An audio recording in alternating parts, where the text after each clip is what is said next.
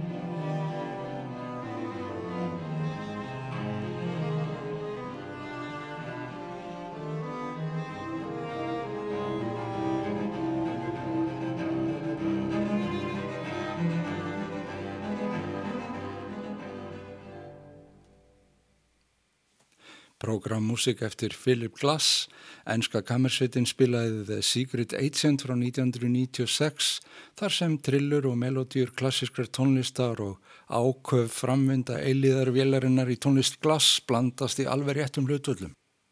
Og jafnvægi áhrifana er nú einu sinni eitt af því áhugaverðasta sem hver tónsmiður og flytjandi deilir með okkur. Næsta leindardóms fulla verk er úr annari átt en ekki síður fjölsgrúðuri Jacob Pastorius var ekki aðeins frábær bassaleikari heldur tókstónum á stuttri æfi að stimpla inn hjá okkur einstök höfundar enginni og útsetningar aðferðir. Dálæti hans á frönskum hornum og alls konar brassi reyndar, röttum og munnhörpu er meðal þessum skíni gegnum tónlist hans. Word of Mouth platan hans frá byrjun nýjunda áratögarins er meistaraverk. Hver er leindardómurinn nákvæmlega? Ekki gott að segja en hér hljóma þrjár útfæslur á þessu leindarmáli. Three Views of a Secret.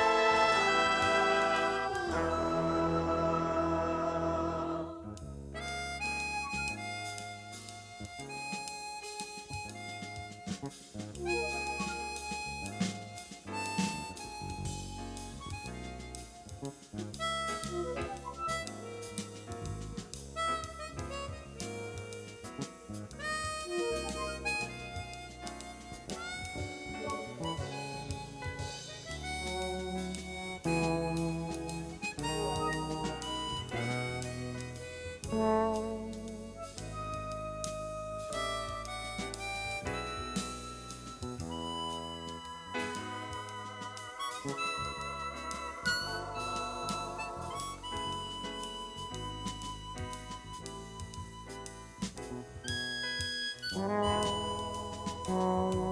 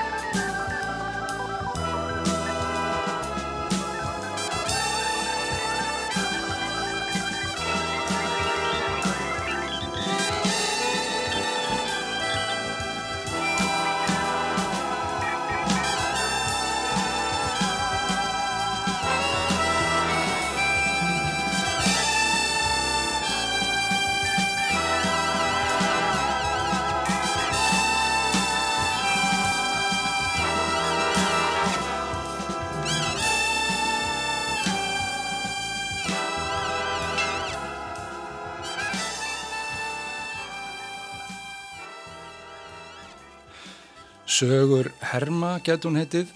Word of Mouth platan kom út 1981 en Jacob Pastorius hafði þá þegar gefið út eina soloplötu fyrir utan bísninu allar merkistónlist með Weather Report og fleirum. Það er ástæðilega að benda þeim sem vilja kynna sér listans nánar á að byrja til dæmis á því að hlusta á stefnumót þeirra Toots Tillemans á YouTube. Þar spilar Jacob á piano með belgiska munnurmu snillingnum sem leka ymitt hér. Three Views of a Secret heitir þetta lag og næst förum við yfir í kvikmyndatónlist eftir Stevie Wonder. Hér er umfjöllunar efni dullafullt líf plantna, kannski er það munurinn á tilhuga lífi og til lífunarlífi sem er á dagskrá.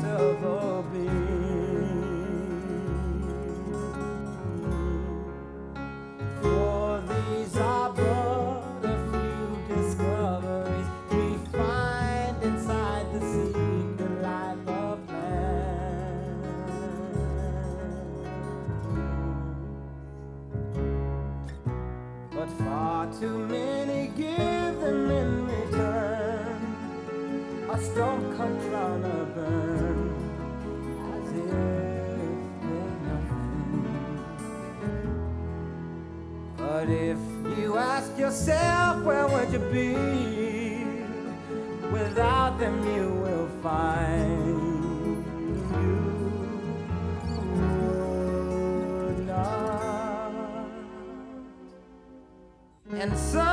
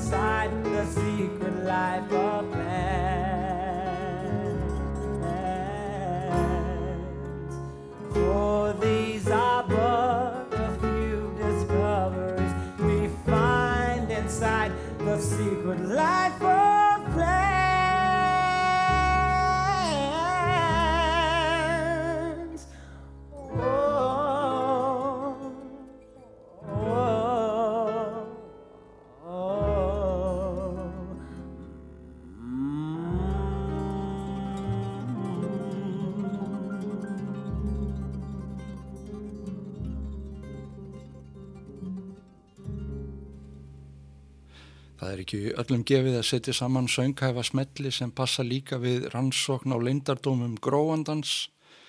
The Secret Life of Plants, plata Stevie Wonder, var vist hannig til að Stevie fekk framleiðanda myndarinnar til að lýsa fyrir sér í smáadriðum myndefninu yfir tímalínu og umhverfi sljóð myndarinnar og síðan tók hann til þarfa og bjóð til frábæra tónlistina.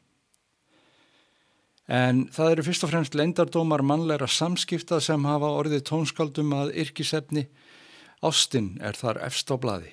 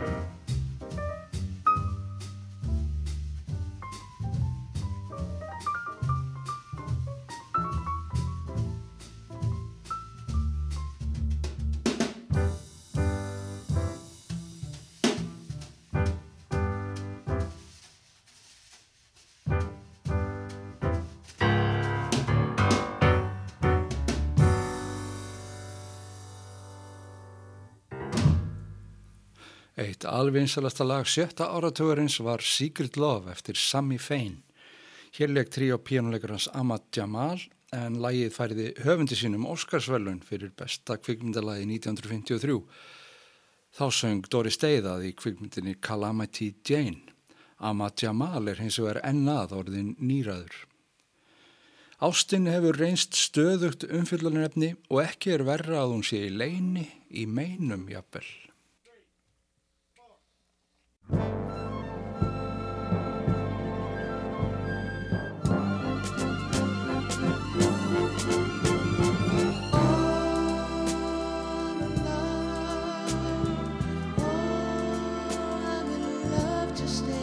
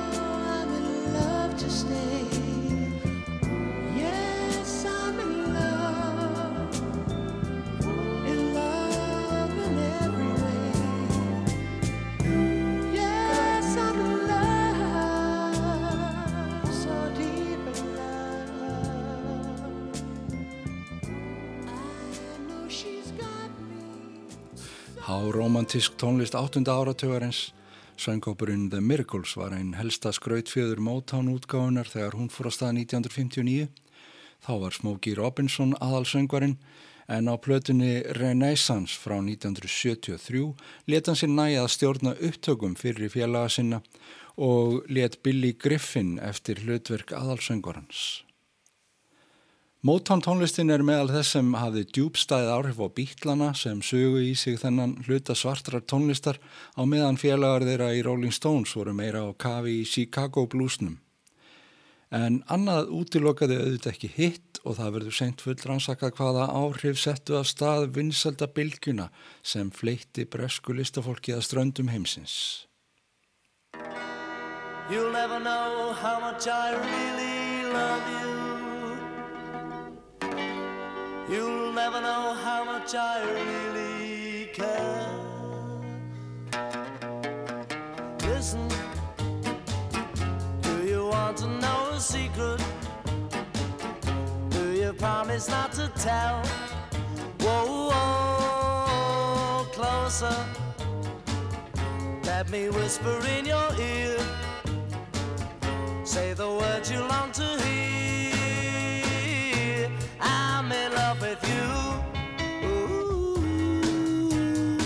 Listen. Do you want to know a secret? Do you promise not to tell? Whoa, whoa, closer. Let me whisper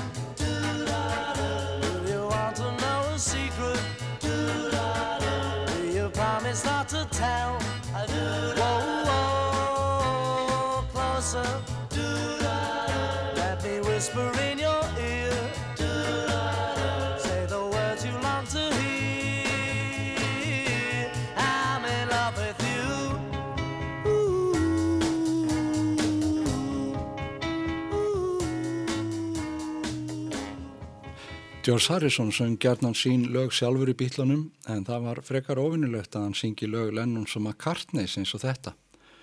En verkaskiptingin er til margra hluta nýttsamleg. Það er áskert tröstu sem leggur til enn eitt leindarmálið í þessum þætti. Glitrar nætur dög og gengið þar með